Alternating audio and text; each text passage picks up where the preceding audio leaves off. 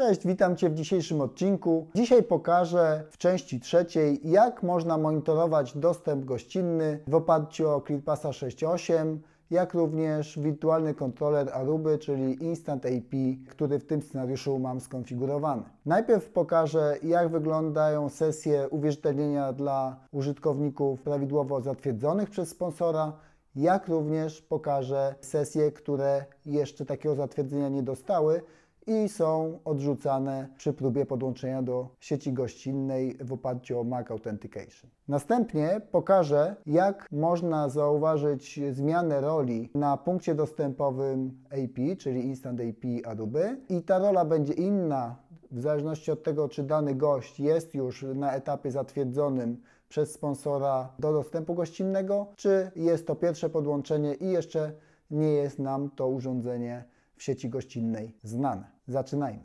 Teraz Wam pokażę, jak wygląda ten dostęp gościnny. Jesteśmy w ClearPass Policy Managerze, części Live Monitoring, Access Tracker.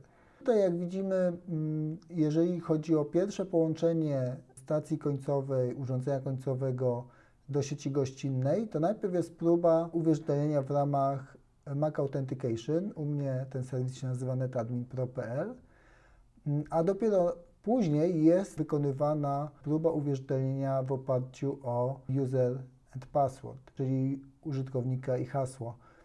Chodzi o to, że w tym scenariuszu, który tutaj realizuję, chciałbym, żeby gość podłączył się do sieci gościnnej, został przekierowany, zarejestrował się, ale gdy to zrobi, to podczas aktywności tego konta nie chcę, żeby ponownie był przekierowany na portal gościnny przy każdym podłączeniu się do tej sieci gościnnej. Czyli załóżmy, że gość jest w tej sieci dostępny, załóżmy, że ten gość ma dostęp do sieci naszej gościnnej firmowej na 24 godziny, to o ile już raz wykonał to logowanie, to nie chcę, żeby ponownie musiał się na tym portalu logować. Chciałbym, żeby jego MAC adres był zapamiętany tutaj w ClearPassie i każde ponowne połączenie z siecią gościnną w ramach ważności tego konta odbywało się bez przekierowania na portal gościnny. I teraz zobaczcie, jeżeli ja wezmę, rozłączę się teraz z sieci jako gość i podłączę się ponownie,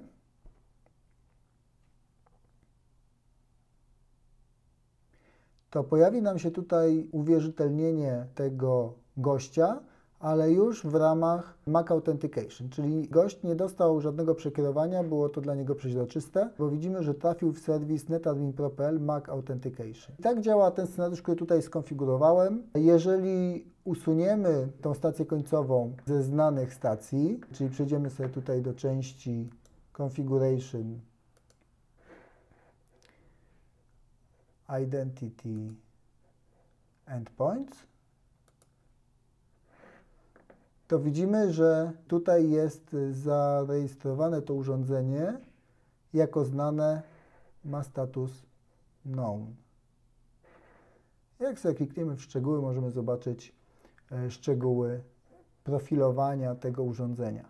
Tutaj się podłączyłem tabletem Apple, czy iPadem i możemy sobie zobaczyć, jaki użytkownik był podłączony przez to urządzenie do naszej sieci gościnnej. Jeżeli usuniemy to urządzenie albo zaznaczymy jego status, że jest unknown, wtedy ponownie zostanie ten użytkownik przekierowany na Captive Portal, czyli ten portal gościnny z prośbą o logowanie. Tak to wygląda ze strony ClearPassa i monitoringu. Możemy jeszcze przejść do części gościnnej i zobaczyć, jakie konta gościa są skonfigurowane.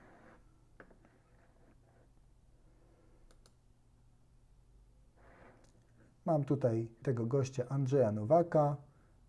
Widzimy, że jego konto zniknie 12.18 o 12.35. W zasadzie się unieważni bardziej niż zniknie.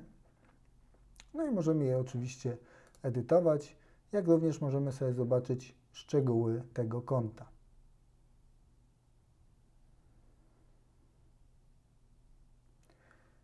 W szczegółach tego konta możemy sobie również zobaczyć kto był sponsorem w ramach tworzenia tego konta.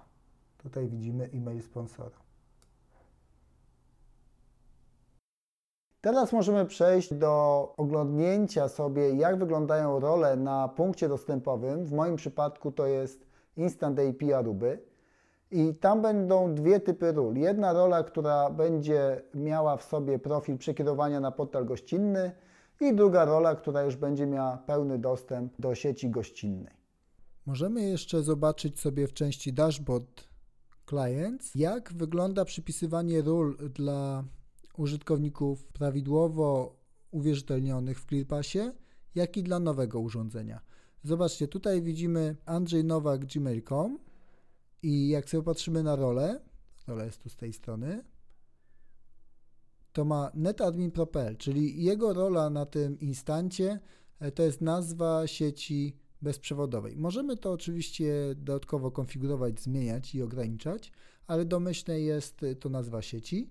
Natomiast dla urządzenia, które jest nieuwierzytelnione, czyli nie powiązane z żadnym użytkownikiem i nie jest prawidłowo podłączone do sieci w sposób pełny, ma rolę External Captive Portal, czyli ma taką nazwę roli, do której jest przypisany profil e, przekierowania na portal gościnny, który konfigurowaliśmy.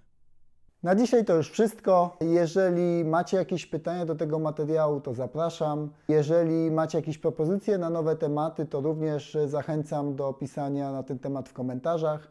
Teraz właśnie się zastanawiam nad nową serią, w którym kierunku iść. Na razie na podstawie obecnych doświadczeń wychodzi mi, że tego typu wideo, które teraz kończę robić, czyli dzisiejszy trzeci odcinek, jest trochę zbyt specyficzne na taką ogólną grupę odbiorców. Myślę, że te tematy na razie przynajmniej, które Was interesują, są bardziej bieżące, związane z jakimiś aktualnymi trendami, a takie specjalistyczne informacje, czy taki trening, czy mini trening jest bardziej w zakresie zainteresowań węższej grupy osób, która już bezpośrednio jest związana z konfiguracją ClearPassa. Takie mam e, na dzisiaj odczucie po informacjach, które od Was dostaję. Jeżeli jest inaczej, to napiszcie do mnie. Chętnie dostosuję to, co tutaj pokazuję, do tego, co Wy potrzebujecie. Ponieważ jest to pierwszy odcinek w tym roku, to chciałem Wam życzyć wszystkiego dobrego z okazji nowego roku i żeby Wam się wszystko układało po Waszej myśli. Do usłyszenia w kolejnym odcinku.